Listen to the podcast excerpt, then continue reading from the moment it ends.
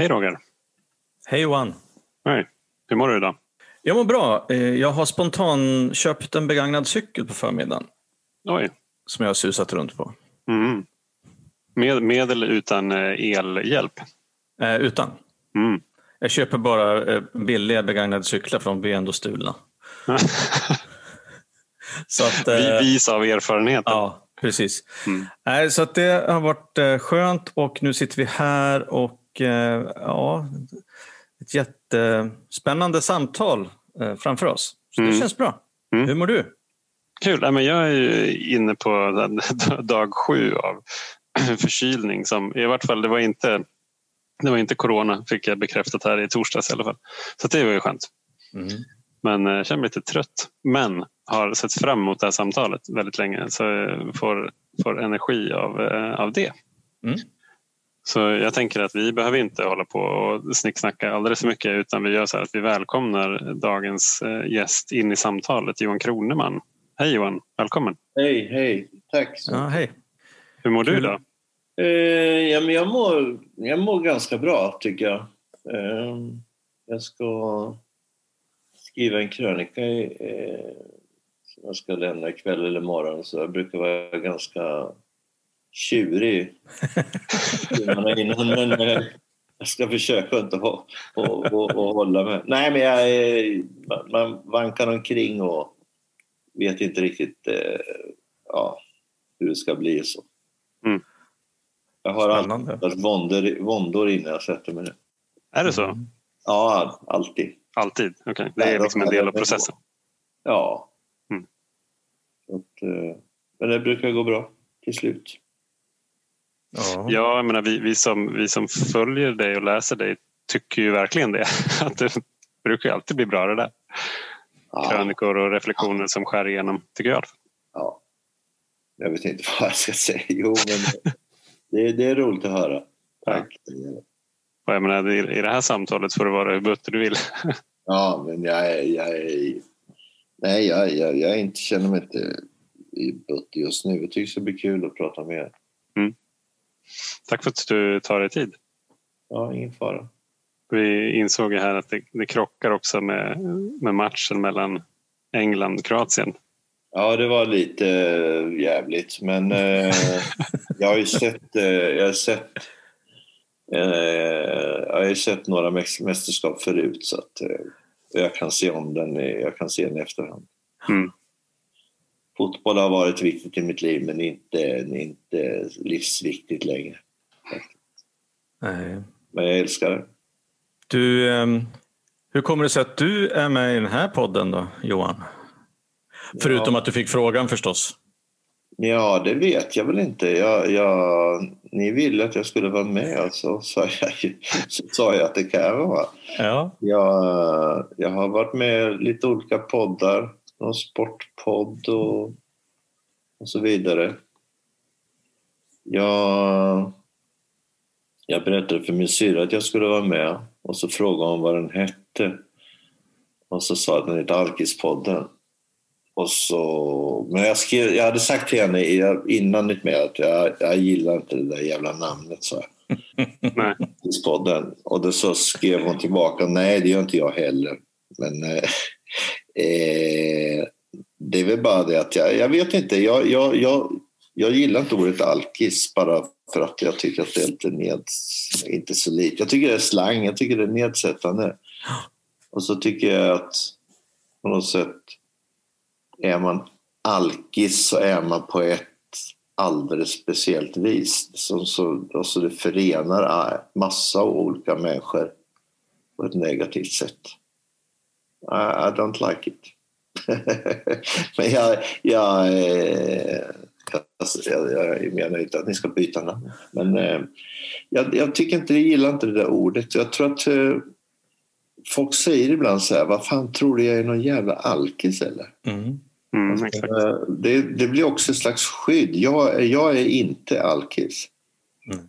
Eh, jag, jag, är missbrukare eller... Eh, och, jag, och jag, kan, jag förstår det för att det, alkis är ju...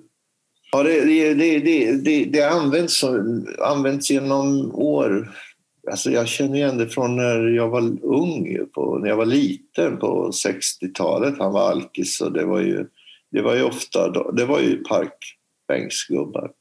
Och så tror jag många definierar det idag också. Men vi behöver inte tjata om det. Eh, Nej, men det, alltså, jag tycker att det är, en, det är en intressant reflektion och en diskussion. Och alltså, vi har ju valt namnet medvetet för ja, men det, att, förstår, det förstår jag ja. också, att ni har gjort det. Och, och just det där för att liksom försöka någonstans, även om jag förstår att det, vi har ju inte, vi har, det är ju inte hela Sverige som lyssnar på oss direkt, men att försöka liksom ändå nyansera bilden av en alkis ja. eller en alkoholist eller en missbrukare eller en beroende människa. Jag förstår, jag, jag, jag, jag förstår det också. Så att, eh, jag, jag, jag vill inte baktala er på något sätt och jag förstår själva tilltaget. Det är inte, det är inte viktigt. Det är, bara, det, var bara, det är bara viktigt för mig att säga att jag tycker att det är jag tycker själv det är jobbigt att säga om någon. han, är, han är ju alkis. Alltså det, det är, om man har sagt något eller gjort någonting och nedsättande om någon, kan vara en kändis mm. eller vad som helst. Ja, men det, det är sant, alltså det, det, är mer ett begrepp som, som man har rätt att säga om sig själv snarare än andra. Exakt, exakt. Och, och, och, om någon säger så här, jag är, jag är alkis, jag, jag förstår det och, jag, och det accepterar jag. Men det används ju alltid nästan i sammanhang när man pratar om någon som man inte tycker särskilt mycket om. I alla fall i mina kretsar ska vi säga det då. Mm. Eller bland mina vänner. Eller, fast jag känner ju, har ju många kompisar nu som... Jag har ju många kompisar som eh, inte dricker och som jag umgås med. Men nej, eh, jag vet inte om vi kallar varandra för gamla alkisar. Nej. Men du dricker ju inte nu sedan några år va? Nej, jag, jag kan väl säga eh, sen 2016. Mm. Mm. Året 2016, då slutade jag dricka. Mm. Eh, sen har jag haft eh, några återfall har jag haft. Kan man väl kalla det. Mm. Eh, jag kan säga jag slutade, jag hade, jag hade något år innan dess också som jag eh, Eh, jag hade höll upp ett år och jag kunde hålla upp månader och veckor och perioder och sådär. Det, det har jag väl hållit på med i... Ja, jag fick när jag fick barn och så, då höll jag väl nästan upp helt och hållet eller drack på ett annat sätt. Och... Men eh, 2016 var det som så att då, då, då, bestämde jag mig för att jag absolut inte ville fortsätta att dricka. Och, så, och, och det beslutet eh, liksom ligger ju fast. Jag, jag, jag kan inte dricka. Eh, vad var det som fick dig att ta det beslutet då? Alltså konkret eller? Ja, men det var, jag hade, jag hade... Nej, men jag stod väl inför det att... Eh, alltså, jag, jag, jag orkade liksom inte mer, mer. Jag orkade inte med mig själv. Och, mm. och, och, och, jag kände att eh, jag, jag, jag, skulle kunna förlora allt. Så, mm. jag, var vid, jag var där jag vill inte gå in på exakt vad det var som hände, men det var... Det var jag kände att jag kunde bli av med det. Jag tyckte att mitt liv bestod... Det fanns bara två skäl, tyckte jag, för mig att överhuvudtaget leva. Och det var min son och det var faktiskt mitt jobb. Och de, mm. var, de, de hängde också ihop liksom med varandra. Eh, och... Eh, när jag, alltså, och då valde jag att eh, jag valde bort alkoholen. Mm. Och det var ju, kan man säga, det var väl inte, det var väl inte, det var inget supersvårt beslut. Uh, sluta, det, är, det är ungefär som Mark Twain sa, sluta röka är väl en konst. Det har jag gjort jättemånga gånger. ja, precis. Jag menar, alltså, nej, även om man har druckit mycket. Jag, alltså jag har ju druckit sen jag var tonåring. Och jag har alltid vetat om på något sätt att jag har druckit för mycket. jag, jag, jag har aldrig varit någon förnekare. Alltså jag har alltid vetat om att jag har druckit för mycket och att jag varit för förtjust i alkohol. Mm. Jag, ju, jag har liksom bott på barer. Jag älskar barer, det gör jag ju fortfarande. Mm. På sätt och vis. Eh, och jag, sa, jag, jag saknar ju den, det livet kan man säga. Mm. Eh, själva idén om det livet. Men jag saknar ju eh, jag saknar verkligen inte den människan. Alltså drinkaren Johan Kroneman. Hur var han då? Eh, det, men det har förändrats så mycket under åren men eh, man kan väl säga som så att eh, de sista åren då, då drack jag ju... Jag var ju en klassisk självmedicinerare om nu det finns sådana. Men Mm. jag drack varje... Jag drack väl i stort sett varje dag. Jag kunde, ha, jag kunde hålla upp någon vecka eller sådär men eh, jag ville dricka varje dag. Eh, jag tyckte att eh, jag fick inget... Jag hittade ingenting annat som kunde liksom få bort den där ångesten än alkohol. Okay. du, Jag, du jag, jag, sökte, jag sökte hjälp genom åren ett par gånger, eller ett antal gånger. Eh, tyckte aldrig att jag träffade någon som, som jag riktigt... Eh, jag, jag, jag träffade ingen som jag riktigt kunde... Ja, som jag litade riktigt på. Eller, eller som Mm. kunde hjälpa mig. Jag, träffade alkoholläkare och jag var på Eh, Jag gick, när jag höll upp det där första året, kanske 2012, gick en sån här al, eh, alkoholpreventiv så här, terapi, gruppterapi. Mm. Eh, är jag osammanhängande nu? Nej, nej, nej. nej. Kör på. Jag bara känner att jag byter, jag, jag lider av idé och tankeflykt. Men det är, det är, en ganska stor, det är, en ganska stor fråga i ens liv. Eller? Ja, ja, Ja, precis. absolut. Alltså, Men jag, jag tänkte på... jag, Jag har druckit, jag har druckit så på så många olika vis. Va? Men Mm. på slutet kan man säga innan jag slutade, då, då drack jag väl... Eh, jag har aldrig varit så, här, så att jag inte var aldrig vaknat på morgonen och tagit en flaska och sen hällt i med den och sen har jag druckit liksom, varit medvetslös hela dagarna. Men jag har ju petat i mig lite, lite lagom mm. för att döva den där ångesten. För att knipsa av den. Och till slut så behöver man ju knipsa hela tiden i stort sett. Mm. Man blir ju väldigt tolerant mot eh, alkohol. Har det där liksom också hängt ihop med skrivandet för dig? Eller? Nej, det har det Nej, det har det... Man kan säga att det är tvärtom. För att Okej. jag, jag har aldrig kunnat skriva. Jag har aldrig varit hjälpt av att eh, vara berusad när jag eh, skriver. Alltså jag har, aldrig, jag har aldrig kunnat skriva när jag varit berusad. Mm. Jag har ju skrivit med alkohol i kroppen, men, men antingen som har varit kvar i kroppen. Eh, men jag har, jag har all, nästan aldrig suttit och druckit och skrivit till exempel eh, mina krönikor. Eh, det, det bara funkar inte. Och det, det får jag vara glad för. Mm. för att, eh, det finns ju många av mina kritiker som har mejlat och skrivit många gånger om att eh, Kroneman måste varit bra packad när han skrev det där. Ja, men det kom ju så att säga när jag, jag skrev. Jag, jag har ju inte varit... Jag skrev någon text för många år sedan i DN om att jag, att, att jag hade problem med alkoholen. Mm. Och eh, då blev det där en grej. Att, och sen var jag ju mycket ute på krogen så att det var ju...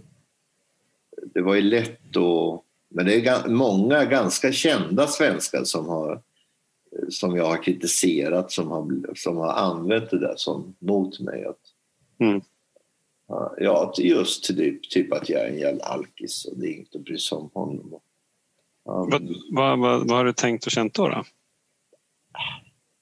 Nej, inget särskilt faktiskt. Jag är, jag är blivit... Jag är ganska hårdhudad.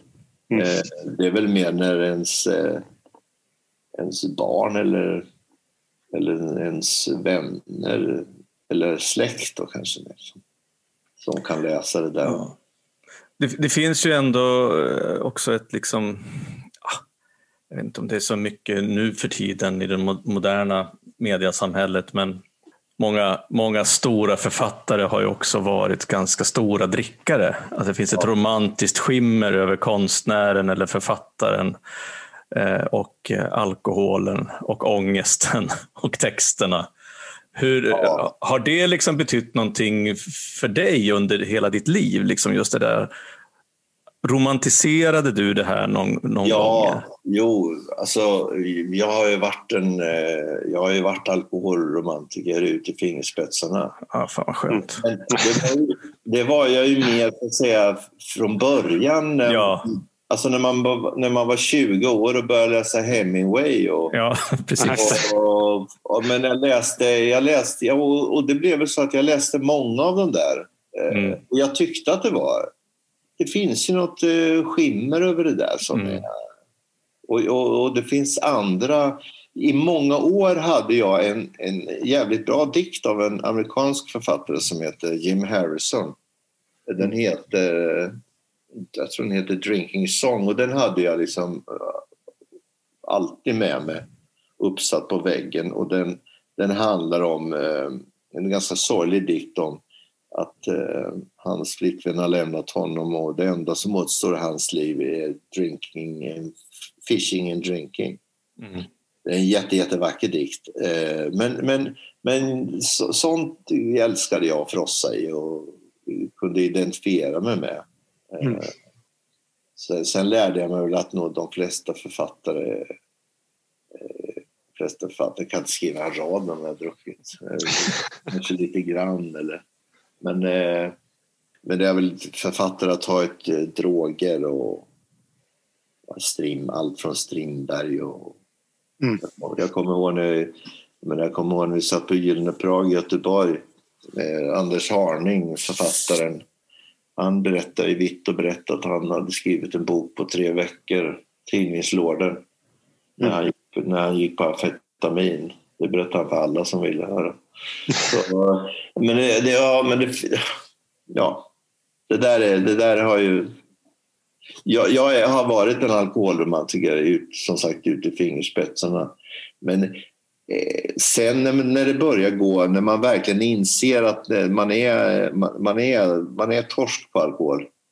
Mm. Eh, man, man, tycker ju inte att det är särskilt vackert längre. Man tycker inte att själv är särskilt vacker. Ju det där romantiska skimret här. Nej, nu, nu när jag träffar... Jag, jag, jag brukar gå och fika med en kompis som... Vi är kollegor. Eh, har inte känt varandra så länge fast eh, vi har läst varandra i många år. Men vi träffas och eh, fikar och eh, vi har bägge två lagt av. Och vi, vi kan liksom påminna varandra om hur fan så sunkigt det var på Mm. Sunkigt det var det vi höll på med, våra liv. Och man, man, ville bara liksom, man ville bara komma undan allting. Man ville bara, jag var en sån som, och som han också. Alltså man ville bara vara i fred. Man ville bara mm. vara fred med sitt eget drickande till slut. Och man ville inte vara... Klart man kunde gå ut någon gång men egentligen var det bara man ville bara vara själv. Och jag beskriver det i, den där, i boken jag har skrivit. Jag skrivit det är liksom som var ett, man ville bara vara i ett, i ett slutet rum. Mm. Där ingen kom och störde och där ingen eh, kom och sa att... Ingen, ingen kom klaga på henne och ingen sa något och ingen sa att man skulle sluta utan ja, låt mig vara. Mm. Mm. Ja, precis. Jag, jag gillade ju verkligen jag gick ut en hel del men jag gillade framförallt efterfesterna. Ja. För att de som då var där, de var ju de som hade lika lite gränser som jag hade. Okay. Så, att, så att det blev liksom... In, ja, ibland så hade jag efterfest själv och då var det ju inga, inga konstigheter. Men, men det var ändå det där liksom gränslösa som, eh, som jag fick tillgång till. På något vis. Det... Jag drack, jag drack jag så alltså med på som säger, jag, jag, jag, det var ju liksom inget fest. Alltså, jag, jag festade mycket men jag var liksom inte den som var värst då utan jag var ju ett tag chefredaktör på tidningen Nöjesguiden. Mm. Då var man ju ofta ute. Jag, jag, jag var jag var ensamstående då men ja, i stort sett var man ute sju dagar i veckan och det var väldigt mycket gratis tillställningar och sådär. Eh, så att jag tror att man lägger en grund ju och sen så eh, så tippar det ju tippar det där över ju. Och till när man behöver känna att man, att man vill ha alkohol för att eh, och bara för att kunna liksom fortsätta härda ut dagen. Så att jag, jag var inte så beroende av fester som... som jag, jag tror ju faktiskt att det är som så att, eh, och det är kanske därför jag inte gillar ordet alkis eller så här. Eh, därför att min erfarenhet av när jag har träffat folk som dricker det är att alltså vi, är, vi är förenade av vi är förenade av det här med alkoholen. Men jag har en känsla av att de flesta av oss dricker också på väldigt olika sätt. Och, och vi, har en oli, vi har väldigt olika resor dit och vi har druckit liksom på olika tillfällen och av olika, också av olika skäl. Jag kan mm. tycka att det, jag kan tycka att det är ett problem med att, att alla äh, alkisar då, eller all, alkoholberoende dras över en kam. Eller att alla kan behandlas på samma sätt och med en metod. Och, ja, jag, vill gärna, jag vill gärna tro att det, vi, vi är väldigt lika men vi är också väldigt olika.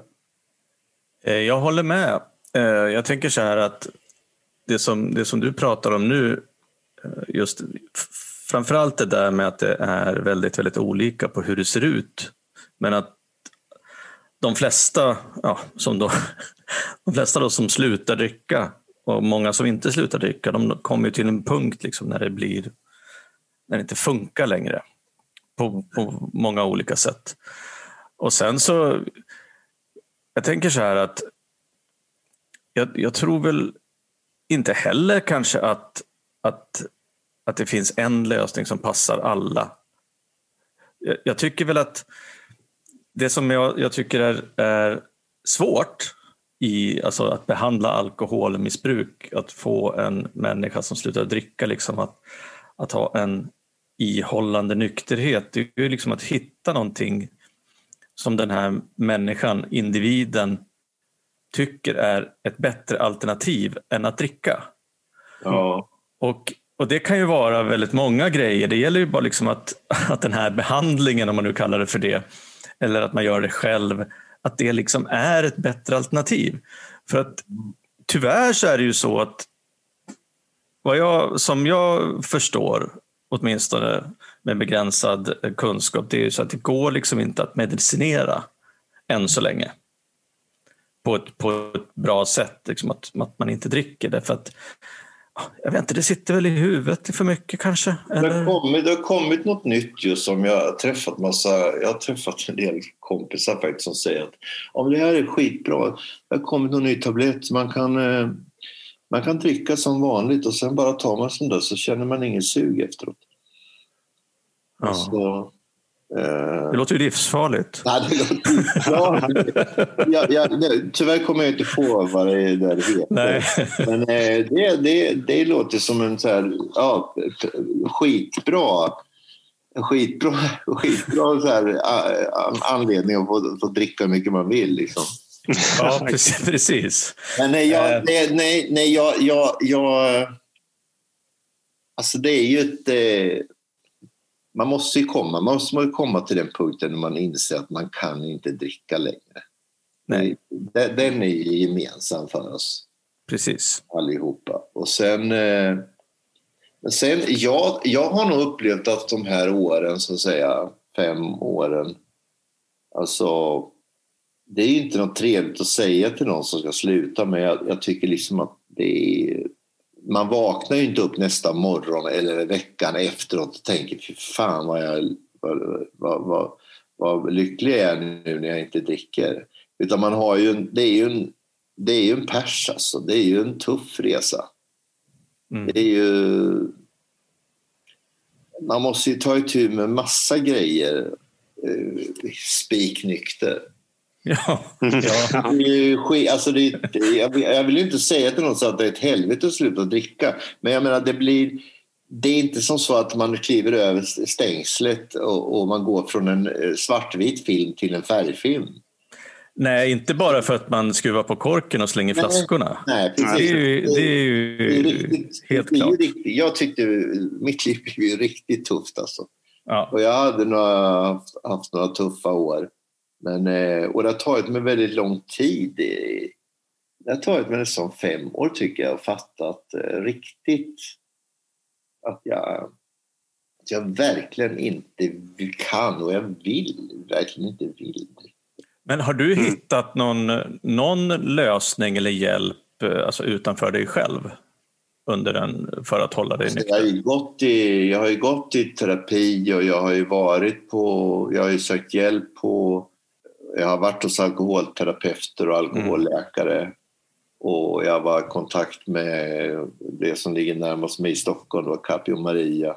Men jag har inte, jag har inte, jag har inte gått någon så här hel lång eh, behandling, det har jag inte gjort. Men eh, jag har ju så att säga skulle det hända någonting med mig nu, då vet jag ju att jag... Jag vet ju direkt att jag skulle vända mig. Jag känner mig trygg med att jag, jag vet att jag kan komma till dem när som helst. Och att jag kan ringa dem. Mm. Och nu har jag också några kompisar som jag skulle kunna ringa till och säga Fan, jag, liksom, jag har druckit. Mm. Vad ska jag göra? Mm. Eh, för jag har haft några, hade ju några återfall. Mm. De varade inte så länge, de varade bara liksom max en vecka. Eh, bara i något fall någon dag bara. Alltså det, det jag... alltså jag gick in på, jag hade nog inte druckit på ett och ett halvt år, två år. Så skulle jag gå Orkar ni höra den historien? Ja, ja. Alltså, skulle jag gå in, så, så, skulle jag gå in och, så skulle jag gå in och hämta lite indisk mat bara. Så stod, mm. jag, stod jag där i baren och så säger jag bara plötsligt så tar jag ett glas rött också. Mm. Mm. Mm. Alltså, det, för, för, andra människor så låter det kanske, nej det där kan inte vara möjligt, så det kan det inte vara. Jo men det var exakt vad jag gjorde. Jag drack ett glas rött och sen tog jag ett till och, och så drack jag ett till. Jag, drack, jag svepte i mig tre glas vin. Mm. Och så tjottade i dem. Och, och, det hade jag lätt gjort också kan jag säga. Ja, ja men sen gick, och sen gick jag hem med maten. Och det här var, mm. det, här var liksom det kortaste. Och sen så åt jag mat och, och så var jag verkligen så här att eh, jag, jag tror inte jag, jag vet inte vad det var som gjorde att jag inte gick ut. Men jag, jag tog liksom en någon insomningstablett och så somnade jag och så vaknade upp på morgonen. Och så, sen, var det, sen var det bara så. Sen, mm. Jag gick, drack inte nästa dag, jag drack inte nästa vecka. Men så såg ett av mina återfall ut. Eh, och, och de har sett ut på lite olika sätt också, men det har varit lite så där att en gång så kom jag gående och, och vid Slussen och tyckte att mitt liv var faktiskt, det, fan vad det är bra allting. Alltså, jag är så jävla mm. glad för mycket och eh, det gick bra allting och jag hade skrivit någon kontrakt på en ny bok. Och, och jag gick rakt in på systemet. Mm. Alltså, rakt in på systemet. Köpte liksom så att jag skulle klara mig tre dagar och så gick jag hem och drack. Mm. Alltså det, jag, jag, vet att när jag försöker förklara det för människor som inte är, har varit, är beroende eller missbrukare där, mm. så jag vill se på dem att de har väldigt svårt att tro att mm. så där kan det inte funka ändå. Men det där, jag, jag, känner verkligen igen det där. Jag kommer ihåg, ja. Eh, jag hade varit nykter kanske i eh, sex, sju, åtta månader eller någonting. Ja. Och så hade det, om jag hade slagit något form av rekord på jobbet. Det hade liksom hänt en stor grej i min, i min karriär. Och då, då kände jag mig liksom ledsen för att jag inte fick dricka för att fira. Ja, ja. Jag tyckte det var så jäkla orättvist, kommer jag ihåg. Att jag då liksom inte hade några verktyg kvar att fira. Nej. Så, att, så att det där som det där som skulle ha varit en, liksom en glädjens stund och liksom känna stolthet och sådär. Det, det enda jag kunde fokusera på då, det var att jag inte fick eh, fira. Men eh, gjorde du det eller? För Nej, jag gjorde inte det faktiskt. Um, jag kommer ihåg att jag pratade med, eh, med så några nyktra vänner och pratade med min terapeut. eh, om det där. Jag hade möte med honom tror dagen efter eller någonting. Och han, eh, han sa då att ja, men du, du inser va, att du är ganska liksom, beroende person om du när du får en gåva måste, måste fira det. Du kan inte bara liksom vara tacksam för gåvan. Utan Nej. Nej. du behöver liksom okay, uppmärksamma det där. För hade, hade det där varit ett år innan, innan jag hade slutat, då hade jag det var så här klockan 12 på en tisdag eller någonting. Jag hade ju ringt polarna på jobbet och sa att släpp allt ni har. Nu ska vi dricka champagne och, och Ja. drinkar och shots liksom på något ställe. Ja. On me, nu kör vi. Och, sjuk, och sjukanmäler imorgon också förresten. ja. Jag är med. Jag känner igen det. Så det, det kändes verkligen tomt att inte, att inte få göra det. Så att det har varit en sån grej i nykterheten för mig. Att, att hitta andra sätt att fira. För att jag vill inte sluta fira. Men jag Nej. behöver så här. Så att, att hitta andra sätt att fira och sen så vara lite medveten på vad är det egentligen som drar igång Ja. När, det, är, när det är- någonting bra händer. det är ju ett jäkla tomrum. Ja, det kan lätt Men vara man, vill inte, man vill ju inte man vill ju inte ljuga. För man vill, så om någon kommer och berättar, frågar hur det är att sluta dricka, då vill man gärna... Man vill ju försöka vara... I alla fall jag vill vara helt uppriktig. Eh, och jag kan ibland läsa sådär på... Man läser på sociala medier eller någon, någon tidning med någon kändis som ja, kan berätta. Det låter som jäkla lyckohistorier. Alltså. Mm. jag kan verkligen inte känna igen det där. Alltså, utan, eh, I alla fall inte som i jag, mitt fall. Jag har, ju, jag har ju jobbat mig till det där. Det tog ju många år. Mm. Och jag, jag, jag, jag kan ju säga så att säga, jag är fortfarande besviken på mig själv att jag tog det så långt. Alltså jag kan ju tänka så här, Mm. när jag tittar på en del kompisar, man, man har en del kompisar som man vet har riktiga allvarliga problem men de, de förnekar dem helt. Men så har man ju en del vänner som hanterar alkohol bra eh, och kan liksom njuta av det och så. Och då kan jag ju, jag kan ju vara arg på mig själv att jag, jag, jag visste också att eh, jag visste att folk, jag hade en, folk som hade varnat mig för att så här, när går du över gränsen en dag då, då kan du inte dricka någonting. Jag visste det där på något sätt. Mm. Men eh, ändå så kunde jag inte göra någonting åt det. Men försök, försökte du liksom dricka med handbromsen i? Eh, nej, men handbromsen var väl det där med vita månader och Ja, veckor och, okej. och eh, inte dricka nu, inte, inte dricka måndag, tisdag, onsdag. Och jag höll på Mm. mycket med såna där eh, grejer. Eh, men sen var det inte som... Det var inte så många i min omgivning som klagade på mig faktiskt, att jag, var, att jag drack för mycket. Det var väl också att jag var, jag var, jag var ju... Det var ju också en nackdel kanske att jag var, jag var snabb själv att säga att jag vet att jag dricker för mycket. Mm. Ja, just det. Jag accepterade nästan det. Det var lite lurigt. Det var kanske smart av mig. Men, Mm. men sen var det väl sen när jag, jag, jag, bild, jag, jag gifte mig sent i livet och skaffade barn sent i livet. Och då när jag träffade min eh, dåvarande fru då, och då, då drack jag ganska mycket och eh, hade varit väldigt deprimerad. Eh, och sen så lyfte jag ur det där och eh, jag, jag, jag levde ett ganska vanligt familjeliv, eller så här vanlig familj. Jag, jag, älskade att, att leva så där men, men jag var ju alltid... Jag var ju, vi drack ju ganska ofta vin hemma. Eh, men det, var ju, det, det blev ju som det blev. Att Anna drack, eh, eller min exfru drack eh, ett glas och jag drack, jag drack resten.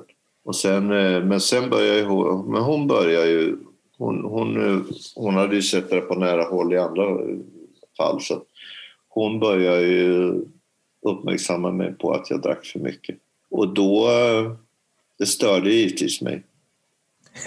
Ja, förstås. Så, så då, eh, eftersom jag var, jag hade en, eh, jag, jag gick bort, jag hade en lokal där jag satt och skrev i.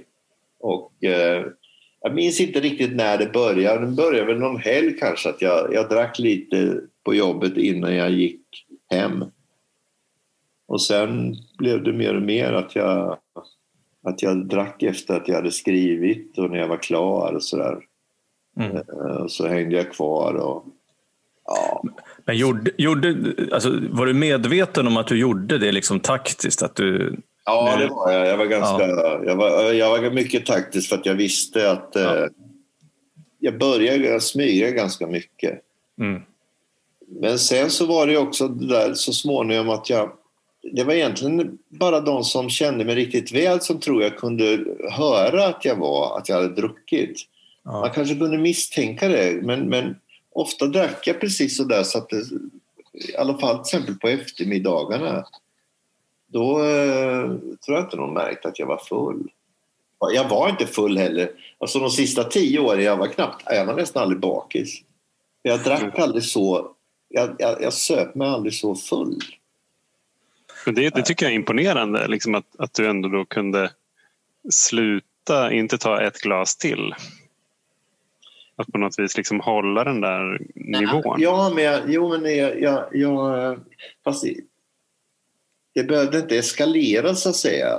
Mm. jag, hade, jag, jag, jag, jag gick och små... Jag höll en jämn nivå hela tiden. Alltså, jag var, sen jag hade flyttat, sen skilde vi oss och jag flyttade hemifrån. Men sen hade jag ju då perioder med jag, jag, ehm, jag hade överenskommelser med mig själv att jag, jag drack inte med, med min son. Mm. Eh, och då lyckades jag hålla de där veckorna. Eh, och det hände att jag någon gång drack eh, när, han, eh, när han hade somnat och så. Men sen var det ju fritt fram när han inte var där. Och sen var det väl så att vi hade blivit längre och längre på Ja, det blev längre perioder hos mig och längre perioder hos hans eh, mamma. Och så.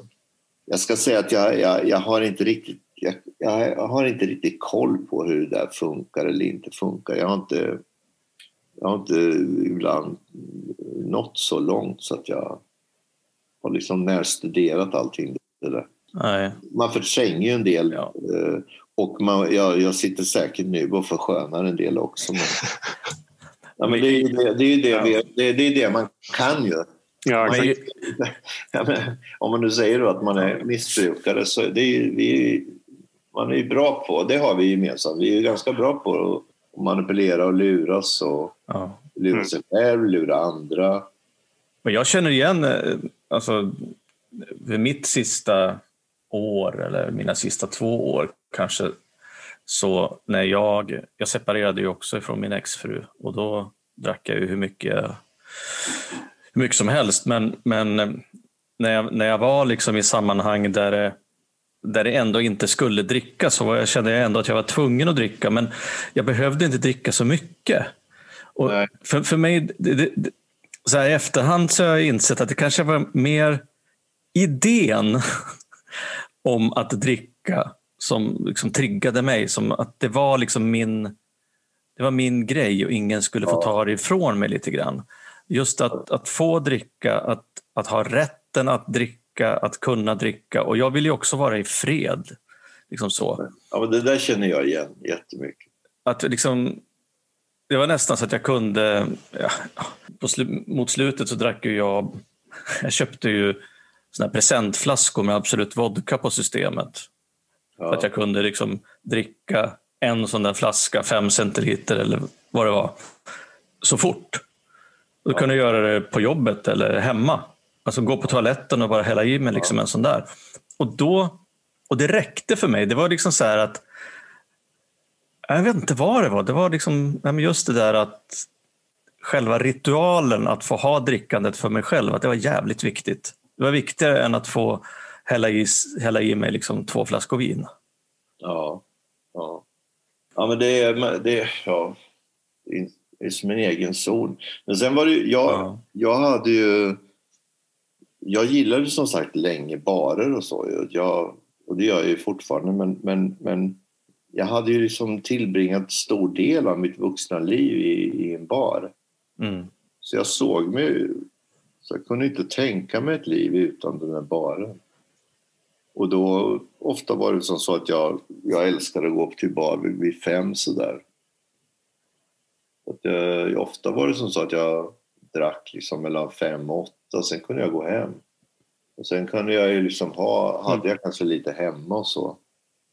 Men så var det ju många år. Sen, sen drack jag, sen var det inte så svårt att komma upp nästa morgon och börja jobb, jobba som vanligt. Så att i, i, i, långa, långa perioder så hanterar man det ju hyggligt ändå.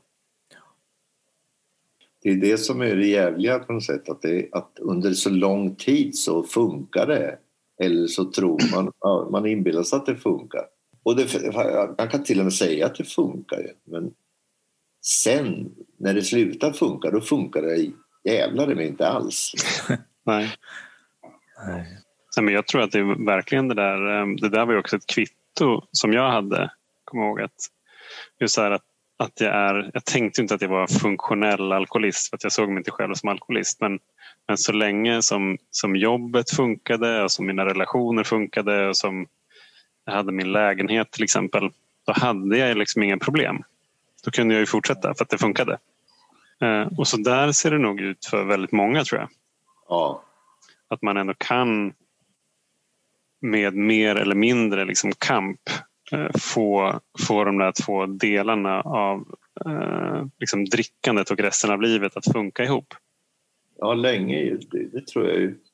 Det kan man göra väldigt länge. Men jag vet inte om ni... Som sagt, för jag, jag tror att jag länge, alltså under många, många år förstod jag att jag drack för mycket.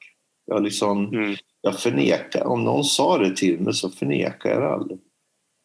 Uh, och jag visste att det var ett problem. Och jag, jag, alltså jag vet att jag kunde säga till uh, jag kunde säga till folk sådär, jag kunde säga till min fru att ja, vilket ju var ganska hemskt, men jag kunde ju säga till dem att uh, alltså, om jag fick välja mellan att vara nykter och full så skulle jag alla dagar i veckan välja att vara lite full. Jag mm. menar, mm. den här världen, jag tycker inte det Jag tycker det är bättre att se på världen lite lättpackad. Mm.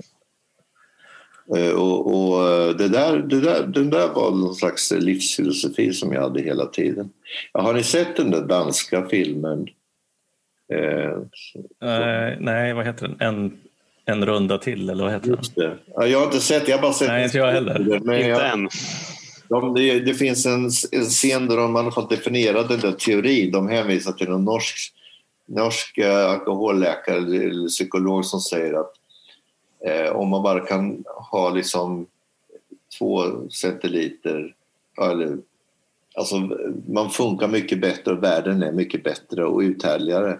Ja, just det. Om man håller exakt den nivån och det är nästan som man inte märker. Just. Och det, det, det, var liksom så, lite så eh, tänkte jag också. Att uh, måste, måste jag välja mellan att vara nykter eller lite full, då väljer jag varje dag att vara lite, lite, lite berusad. Det är som att ha ett litet så här förskönande filter. Ja. Mm. ja. ja. Ja, jag håller med. Mm. Ja, jag, alltså en av mina, jag vet inte om jag ska säga roligaste, men mest minnesvärda fyllor. Det är helt odramatiskt, men det var när jag var i Las Vegas. Och så, så var jag full liksom på dagen och gick runt på ja. Ja, Venetian, eller vad heter hotellet där, i deras shoppingcenter. Ja. Och allt var så överdådigt där. Och så, så var jag lite full, så blev det, då blev det helt magiskt plötsligt. Ja. Det blev inte så där liksom, eh, ja, men hårt och eh, cyniskt, utan det blev faktiskt, det var jävligt härligt i Las Vegas plötsligt. Och det är en sån grej jag kommer ihåg, att just när man pratar om det här med att se liksom världen lite rosenrött skimmer när man är lite full. Och det, det är väl klart att, ja, jag vet inte, man kanske skulle föredra det varje dag, men det ligger ju någonting i det där. Ja, men det är väl det som gör att det går åt helvete för oss också. Ja, förmodligen. Nej, men jag menar, alltså, det, det, det, det, för det är också en så romantisk... Jag kan ju höra mig själv säga det till... Att man träffar några... man träffar någon som säger att de hade druckit någonting på ja, vet, supertidig lunch och så. Och sa fan det var så jävla skönt. Det var, det var lite skönt att vara full mitt på dagen. Mm. Då kan jag, det, alltså, det triggar igång någonting hos mig direkt ju. Alltså, jag kan, då kan jag säga så här, ja fan, det var, jag hörde mig själv säga det häromdagen bara, ja det är jävligt, det är jävligt underskattat att vara full på förmiddagen. alltså, så, så, så liksom den där romantiken finns kvar i mig på något ja. sätt. Alltså. Och det kan vara så att någon berättar det och kan säga gud vad härligt det måste ha varit. Uh, fast jag egentligen borde ju blivit jävligt bekymrad över det. över den personen. Men, alltså, som sagt, det tog fem år men nu, alltså jag, jag förstår mycket. Alltså, nu kan det hända att jag förstår grej, grejer fortfarande från en dag till en annan så begriper jag hur jag hållit på och fixat och trixat. Och, mm.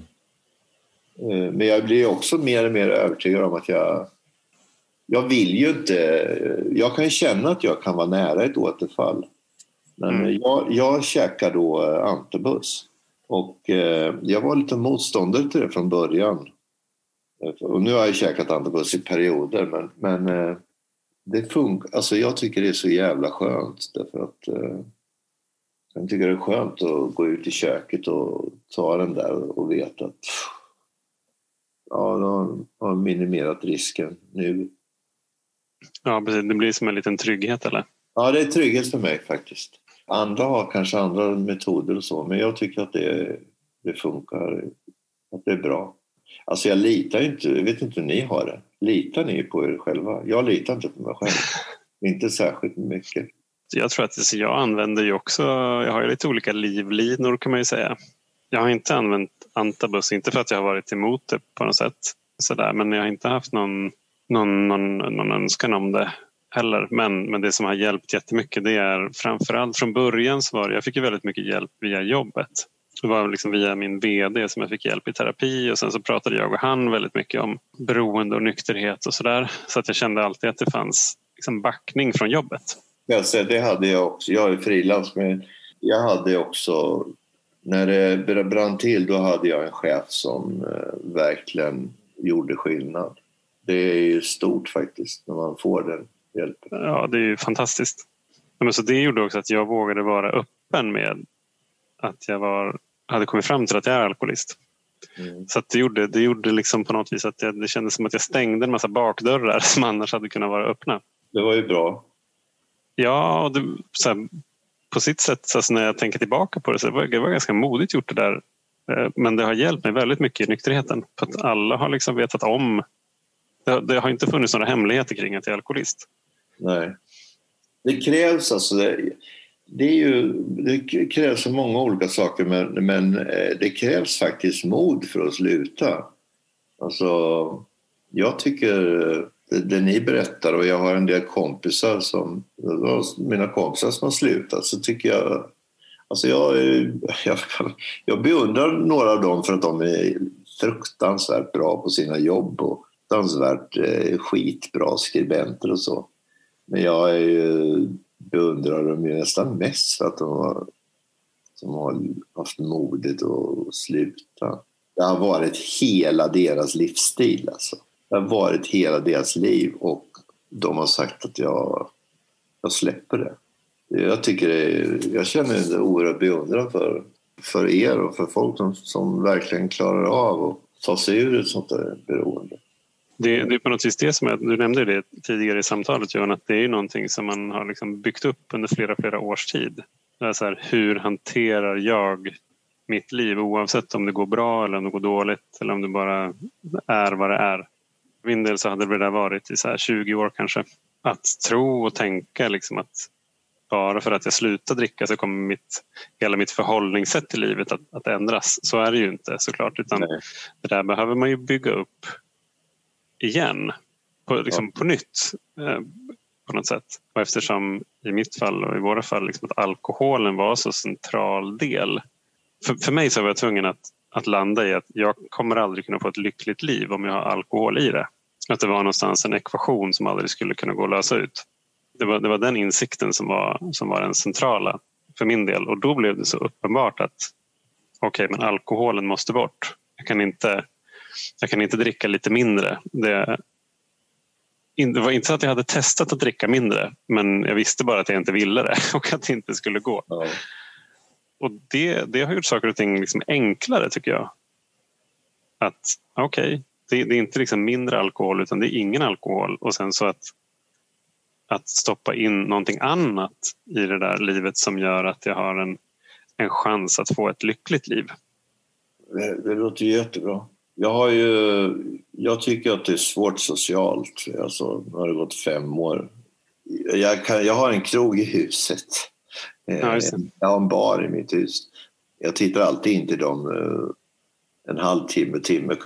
Jag känner att jag går jag dit en kväll eller sådär, står och pratar med folk jag känner där så man har ju inte lust att vara kvar efter så när folk har fått i sig två, tre ja, då är det ju inte kul längre.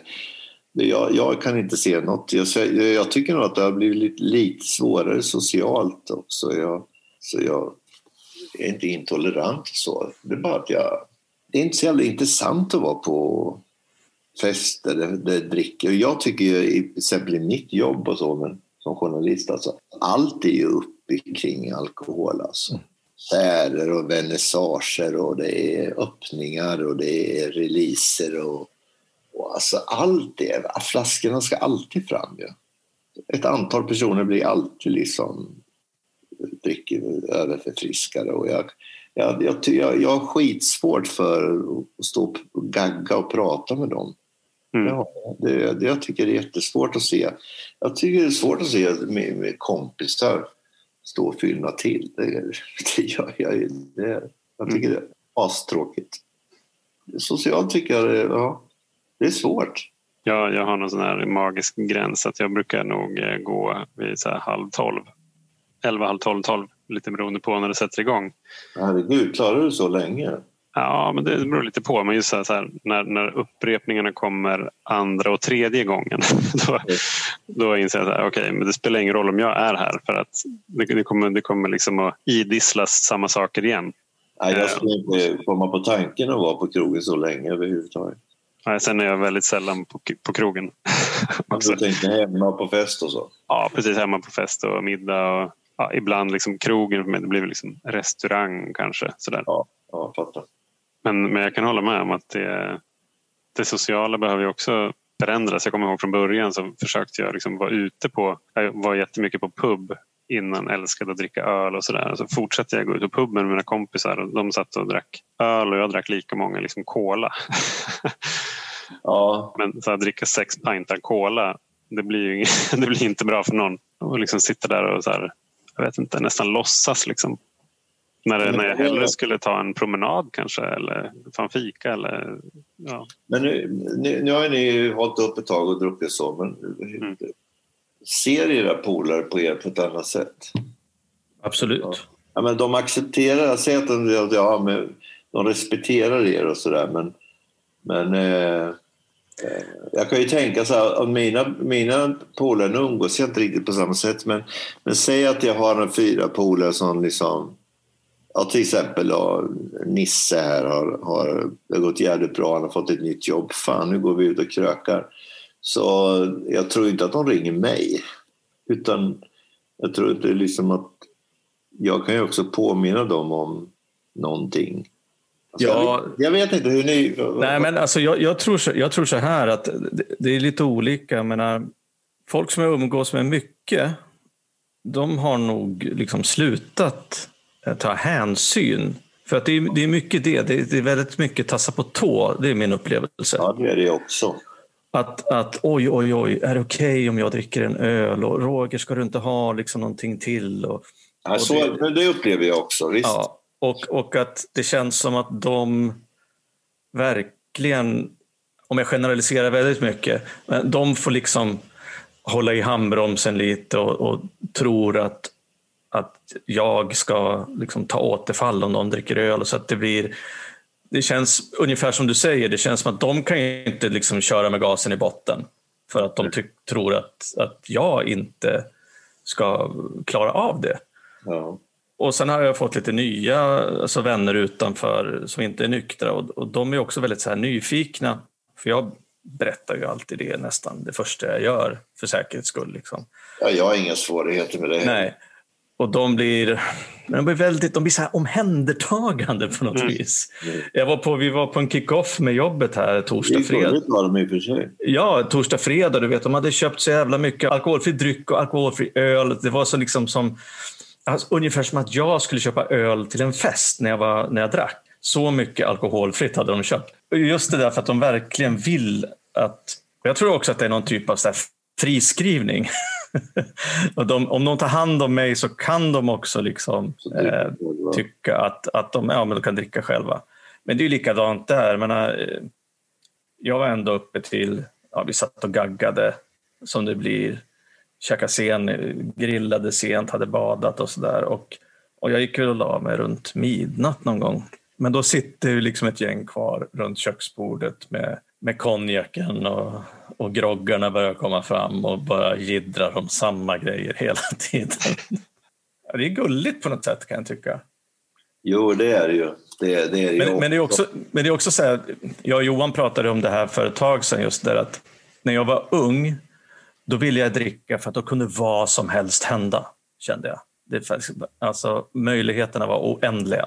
Eh, och sen när jag blev äldre, jag fick barn, hade familj, då blev det så här, ja, men lite guldkant på vardagen. Och så är det ju för de här människorna som, alltså jag var på firmafest, alltså ålder någonstans mellan 45 och 55-60 liksom. Och, och de tycker att det är helt jätteskönt att få släppa loss liksom, på en, ja.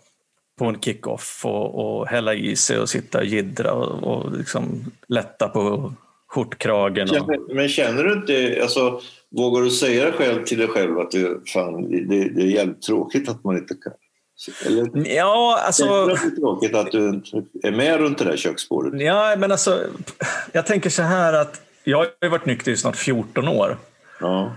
Och det var det jag tänkte prata med dig om lite grann. Det här. Alltså, för att jag jämför liksom inte längre Nej. på det sättet. I början var det naturligtvis så. Att är det här tråkigare, är det, bet- är det bättre eller sämre än mitt liv jag hade när jag drack? Hade den här situationen varit bättre eller sämre om jag fått dricka eller inte? Jag är liksom inte där längre. Nej, nej. Så att för mig, eh, alltså jag kan sitta och gidra, inte kanske likadant tack och lov som jag gjorde när jag drack. Men jag har liksom inga, jag tänker inte på så det är jättemycket att jag inte det, är, det där är med, det där har nog med det har med tid, tid och vana att göra. Tid, visst. Det, ja. Och det måste man ju... Det är någonting som vi som dricker mycket, vi, alltså vi behöver mycket tid. Eh, det tar, det tar tid. Det, det är bra att man, att man förstår det. Ja, men kan, för det är också så här, jag tänker på det vi pratar om nu, hur vi, hur vi har det i nykterheten. Alltså både jag och Johan, vi har ju, vi har ju hittat den där lösningen kanske som du pratade om tidigare. Och eh, ja, har ju fått hjälp genom tolvstegsprogram. Jag har förstått att du har en, kanske en annan syn på tolvstegsprogram. Kan vi inte prata om det lite? Egentligen är jag inte så insatt egentligen för att, eh, för att ens ifrågasätta det. Men jag har boken här. ja. ja. Nej men så här är det väl att eh, när jag läste det där tolvstegsprogrammet och de där punkterna och mm. jag var på, jag gick hos en eh, överläkare som, som själv hade gått i 30 år på AA. Och så Han, jag, jag följde med honom på två möten. Men ja, det är bara som så att jag klarar inte av den här grejen med, med Gud och högre makt och det där. Alltså det, det är bara tvärnit. Va? Och jag har ju träffat eh, hundra säkert människor som har sagt till mig, som går, har gått i många år och det funkar jättebra. Och, och de säger att det, jag skulle inte klara mig utan det. Och, ja, men jag tycker det verkar ju toppenbra. Men eh, för mig, jag, jag kunde bara inte, jag kan inte, jag kan liksom inte förbise det där. Det där som, det som står där om någon, någon kraft eller någon gud eller något sånt. Det funkar bara inte hos mig. Jag har, alltså jag har gjort någon slags eh, jag har fått gjort någon slags hemvävd variant. Jag träffade en kompis som hade, han kallade mig för obehandlad alkoholist. och jag tror att han hade, han hade gått det där, han menade att eh, mina återfall så det berodde på att jag var liksom obehandlad. Det kanske, det, det kanske är så. Men jag tycker att jag jobbar med det här hela, alltså jag jobbar med det varje dag.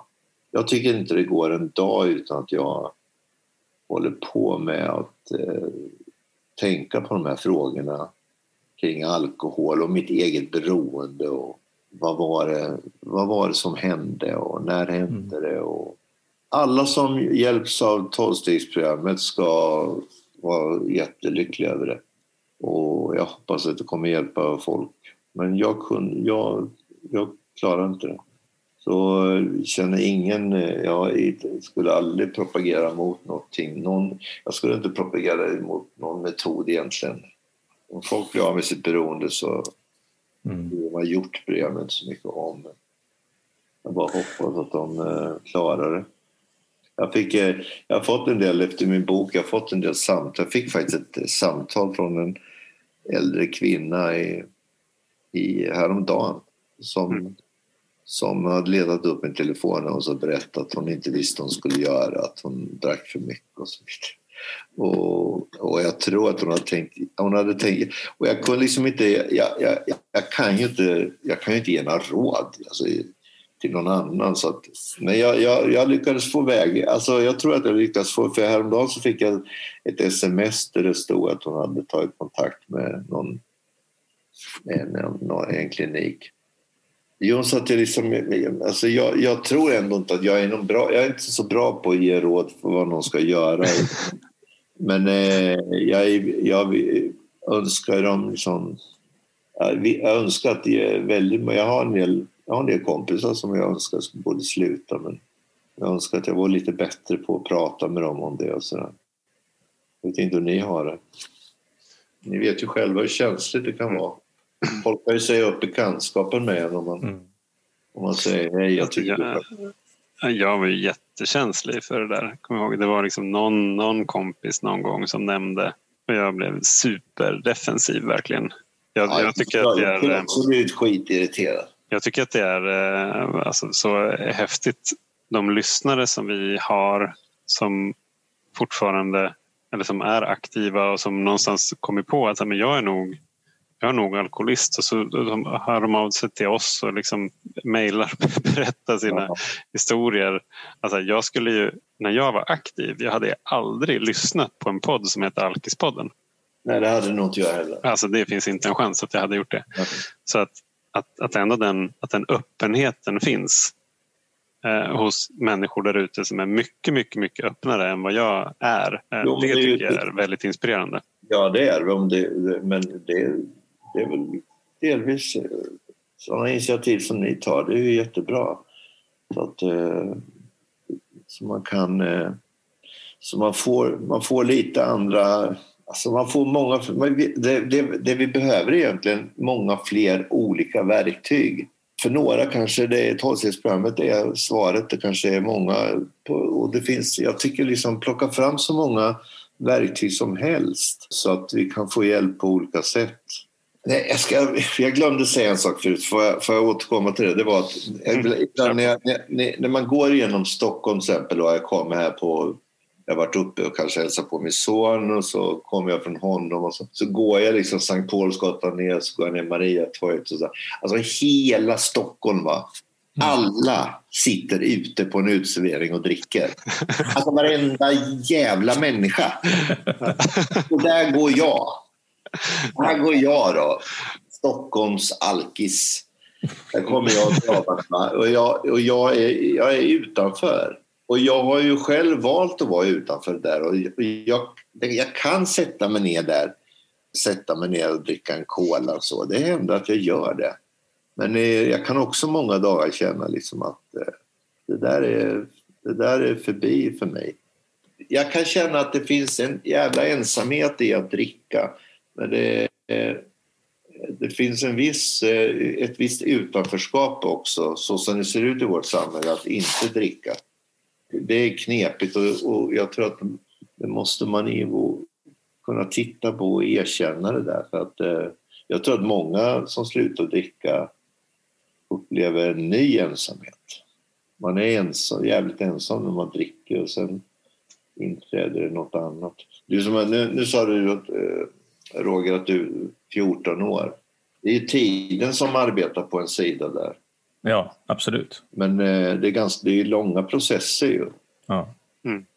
Ja, förlåt, ja, det var gick jag från det tolvstängs. Jag kanske är medveten. Nej, men det... det... Lite undan, men jag, jag, jag, vill inte, jag, jag, vill absolut inte säga till någon att de inte ska gå tolvstegsprogram. Nej, men jag håller med om att det är klart att ju fler verktyg som finns, ju fler varianter som finns, desto bättre. Och, och, alltså en stor anledning till att jag och Johan gör det här, det är ju också att vi kanske kan få folk att börja prata om det här lite tidigare. Ja. än innan det liksom allt har gått åt helvete. Ja, men det är ju det, det är så jag känner också. Att jag, Ja. det är då, man skulle... Om Alltså- det vore liksom ett accepterat samtalsämne. Ja, då skulle man säkert kunna... Man skulle nå många fler precis innan de har klivit över. Ja, Ja, precis. För sen är det ju ingen återvändo. Nej, det är ju jävligt svårt. Liksom. Och lyckas Ja. man inte sluta då, då, är det ju, finns det ju bara en väg. Ja. Tror jag. Men Det är ju det här också att man... Jag vet inte riktigt vad det är. Det har väl någon forskare skrivit en massa smarta saker. Men jag vet inte vad det är i beroendet som gör att man, man hela tiden tror att man... Det finns ändå en... Även om man inser att man dricker för mycket. Men det finns ändå en liten chans att man ska kunna Ja, att man ska precis. fixa det här själv. Mm. Ja. Och om jag bara dricker på... Okej, nu har jag kuttat ner. Nu ska jag bara köra måndag. Mellan Mm. 20 och 23. Exakt, de där reglerna. Ja, jag menar hur många sådana har man... Alltså, ja, men det är ju likadant. Alltså, jag får ju ibland frågan om liksom, skulle inte du kunna klara av att dricka igen? Och då tänker jag så här, jag vet ju inte. Eh, Jag har inte tagit ett återfall och jag vill helst inte göra det heller. Men alltså, jag skulle förmodligen kunna ta en öl och vänta, hålla upp en vecka eller en månad och sen ta två öl. Men förr eller senare så skulle jag hamna där jag var. Jag är ganska övertygad om det. Ja, eh, om jag inte gör det första gången. Liksom. Det, det, som, du, som du berättade om, att svepa tre, tre, tre vänt vin på ja. Indiska restaurangen. Liksom. Så att, nej. Nej, men jag har ju också gjort... Jag har ju haft ett eh, veckåterfall och då, menar, det var, ju- känns ju som... Efteråt känns det som en flax att jag, att jag kom och träffade rätt person och fick rätt hjälp direkt där. Alltså. Ah. Jag tror ju att eh, har man gått över gränsen så ja, då har, då har man... Jag, jag, jag, jag kan inte dricka. Dricker jag i, idag så kommer jag att dricka imorgon. Så är det. Ja, precis. Jag, hade ju, jag höll upp i fem år när jag var mellan 20 och 25. Ja. Och så tänkte jag att eh, när jag var 25 då bodde jag i Japan. Och så tänkte jag att ja, men nu hade jag, nu, jag tror att jag, det var när vi hade gjort eh, alltså, halvårstentor. Och så skulle jag fira såklart. Och då tänkte jag men nu har jag ändå inte druckit på fem år så nu borde det rimligtvis vara okej. Men det var ju så här, kapaciteten för att dricka fanns ju där liksom lika mycket som för precis när jag slutade. ja, det är helt otroligt. Så det var ju så här, ja, men typ 18-20 öl på en kväll direkt. Och eh, som den här, den här törsten liksom bara Ja. återaktiverades på något vis. Men så vaknade jag dagen efter och mådde prima. Jag mådde så jäkla bra så då tänkte jag att nu är jag botad. så nu kan jag bara dricka igen. Då inföll sig ju liksom en annan grej och det var att då skulle jag ta igen allting tänkte jag då som jag hade missat under de här fem åren såklart. Men så med det sagt så fanns det också jävligt mycket som var kul i det. Såklart, det var ju jättekul att bli aktiv eh, alkoholist igen i Tokyo. Det Ja. var jättemycket konstigt och galet och roligt som hände. Eh, Och så där är det ju också. Det tycker jag också är viktigt att, att lyfta fram. Att, menar, om det är någonting som jag gör som bara är skadligt. Det finns ingenting positivt utan allt är bara negativt. Då gör jag det inte. Nej. Så att det, det är ju liksom den där enda lilla positiva grejen som jag försöker liksom isolera nästan. Och så ja. försöker jag minimera de negativa konsekvenserna och minimera ibland genom att förneka att de finns. Att nej, men det kanske inte var så där illa som, som min fru eller partner eller mina vänner sa att det var. Eller det kanske inte gjorde någonting att det blåste så där mycket pengar eller att jag tappade bort mobilen igen. Nej, men det är väl något, det är väl, jag, jag vet, jag brukar ju, för mig var det i alla fall som så att eh, alkohol fungerar, det fungerade länge på mig. Det fungerar som tröst för en del och det fungerar som eh, ångestlindrande och så vidare. Alkohol funkar till en viss gräns ju. För en viss typ av personlighet också. Jag har ju missbrukat, eh, jag hade lätt kunnat missbruka vad som helst. Jag har ju varit spelmissbrukare eller jag, har ju, eh, jag känner ju att jag skulle kunna det är så sen jag, om jag ska ta några tabletter och så, så det finns liksom i mig då att eh, om jag ska ta en värktablett så liksom två, nej ge mig tre liksom. Mm. Alltså jag, jag, jag, tror alltid på att eh, ju, ju, mer jag får i mig desto större effekt är det. Mm. Den, det, det, det, det, har man kvar i sig. Man har det där greppet liksom. Och just att jag till exempel eh, när, man, när man gick bort på en fest eller något sånt där eller man skulle gå någonstans innan det visste man liksom att nej men ge mig inte en jävla fyra whisky för det funkar inte utan jag dricker två, för antingen dricker jag en sex eller två fyra direkt liksom. För det liksom funkar. Alltså det, jag hade, det, där, det där greppet har jag alltid haft liksom att för att nå effekt va, så måste man ju Alltså man var ju ett proffs tyckte man. Liksom. ja. ja. men skulle man, man, man var liksom till och med bra på att vara missbrukare. Mm. Mm. Ja absolut. Det känner ja, jag, inte riktigt, jag bara bluddrar. Jag känner att jag vet inte om jag säger någonting. Men det var ju ett trevligt samtal. Ja, men vi kan väl, eh, kan väl runda av lite grann. Vi brukar ju fråga Johan så här eh, efter det samtalet börjar till slut. Vad, vad tänker du på? Ja, vet du vad jag tänker på? Jag tänker på det här med, eh, med, med programmet. 12-stegsprogrammet, programmet. Det låter som att det bara skulle finnas ett program det, det jag satt och reflekterade över var så här. Okej, okay, vi har under olika många år av våra liv skapat ett program som vi gick på ganska länge där alkoholen var en central lösningskomponent i livet. Att bli nykter. Det handlar ju om att gå från det programmet som vi gick på till någonting annat. Mm. Och 12-stegsprogrammet det är ett program men det är klart att så här, ju fler verktyg som finns desto mer liksom, desto fler kombinationer av program finns ju också. Så det handlar ju om så här, vad behöver jag för att jag ska kunna leva och ha ett lyckligt liv eller om det finns något annat som, som, jag, som jag känner att jag vill ha som målsättning kanske. Jag kanske vill ha ett liv med sinnesro. Just nu så läser jag en hel del om stoicismen och de, de vill ju liksom optimera sina liv mot, mot sinnesro. kan man säga och har ju också som tekniker för det. Eh, olika typer av eh, tankeövningar och handlingar eh, som de gjorde. Och det är någonstans ett sånt recept som finns i tolvstegsprogrammet med de här tolv stegen då, som man gör för sig själv. Det är ju en väg. Jag har ju fått massa hjälp av min terapeut också där jag har gjort hundratals olika kognitiva övningar. Där jag har fått eh, öva på tacksamhet och analysera min ilska. Liksom, var kommer den ifrån? Mina rädslor och så vidare. och så vidare och så vidare. Och, och allt det där är ju det som har liksom format mig i den här processen som är nykterhet. Så jag skulle vilja säga att mitt program just nu det är en blandning av tolvstegsprogrammet plus andra influenser mm. som jag har. Bland annat liksom terapi också och samtal som jag har med människor på jobbet och så vidare. Alltså där, allt det där blir ju mitt, det just nu skräddarsydda programmet för Johans liv. Ja, um, och jag tror att det är liksom en, um, tycker att det är en, en, viktig, en viktig sak att lyfta.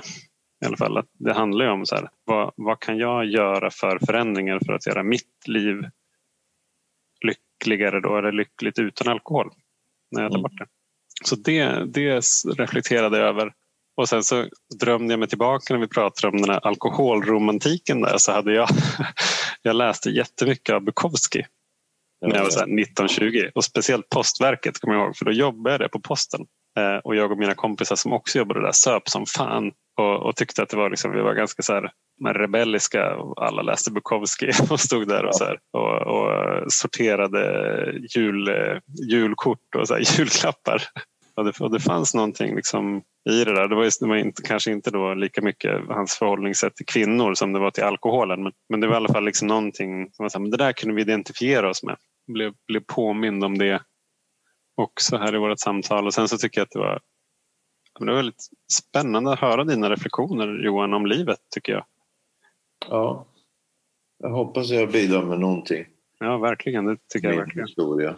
Men eh, det är det som man får man, man måste komma ihåg när man... Det är liksom ett arbete som pågår hela tiden. Mm. Alltså man, man slutar dricka och man, man, måste jobba på det. Måste jobba på det som fan. Men att det, men att det är värt det. Det är verkligen värt det. Det är ett viktigt tillägg. Ändå. Mm. Det, ja, men det, det, ja, det tycker jag faktiskt. Att, eh, mm. Som jag sa, alltså jag, jag, jag, jag gillar som fan med min kompis när vi, när vi nästan sitter och påminner varandra om hur det var. Hur såg det ut när vi gick från jobbet och, och vi kom hem och sådär. Jag vill verkligen bli, bli påminn om det så att jag förstår liksom att nej, det där mm. aldrig mer tillbaka dit. Alltså. Apropå liksom den där romantiska bilden. Ju. Ja, ja, men, eh, hur var det faktiskt? Nej, jag, har in, jag har inte mycket kvar av den här romantiska bilden faktiskt. det är nog bra. Jag kan ju läsa om det, men jag kan ju... Jag, jag tycker själv att jag menar... Att jag, jag tycker själv att jag var lite töntig som hade den där jävla dikten uppsatt överallt. snuttefilt. Ja, absolut. Det, det ligger här någonstans i någon låda. Men, ja, men jag, jag brukar till och med ge bort det till kompisar som jag visste gillar att dricka. Ja, just det. Alltså jag kunde ge bort den dikten till dem. Säga, fan mm. läs det här. Det här är vi. Roger, vad tänker du på? Jag tänker på, precis nu när ni pratade om den här dikten så kom, slog det mig att, det här jag berättade förut, jag vet att jag hade en liten, men en liten enspaltare från Expressen tror jag det var som jag klippte ur i början på 90-talet som jag hade på anslagstavlan i köket. Det handlade om, jag kommer inte ihåg vem det var som hade skrivit den, kanske var du Johan. Eh, att det var så här, man skulle på fest på lördagen. Så gick man på Systembolaget och så köpte man för säkerhets skull så köpte man fyra flaskor vin för att, för att man, det kanske var så att man drack upp några flaskor vin på fredagen. Och det slutade med att man drack upp alla flaskor vin på fredagen så hade man ingenting kvar på lördagen och det här måste alltså varit då när Systembolaget inte var öppet på lördagar. Ja. Och, och den där tyckte jag var så... Jag vet inte, jag tyckte den var så jävla bra och rolig och träffade mig liksom så här, för så där var det ju. Och då, utan att skämmas så satte jag upp den hemma i köket liksom på väggen. Ja, exakt. Är samma. och visade den för kompisarna när de kom och tyckte kolla här vilken rolig liten enspaltare. Mm. Ja. Nej, men sen tänker jag på, alltså jag tycker att jag tycker det har varit jättefint att, att du har varit med i det här samtalet på ett sånt öppet och ärligt sätt. Menar, du har pratat om ja, men att du tycker att det är svårt vi har pratat lite om tvivel, du har liksom kanske ställt fler frågor än du har, har gett ja. svar. Och det tycker jag är fantastiskt. Mm. Jag tycker att det är jättehärligt att eh, få hit dig och att vi får ett sånt samtal som inte bara blir nu ska vi liksom lösa världsproblemen här utan Nej, man kan få utvecklas.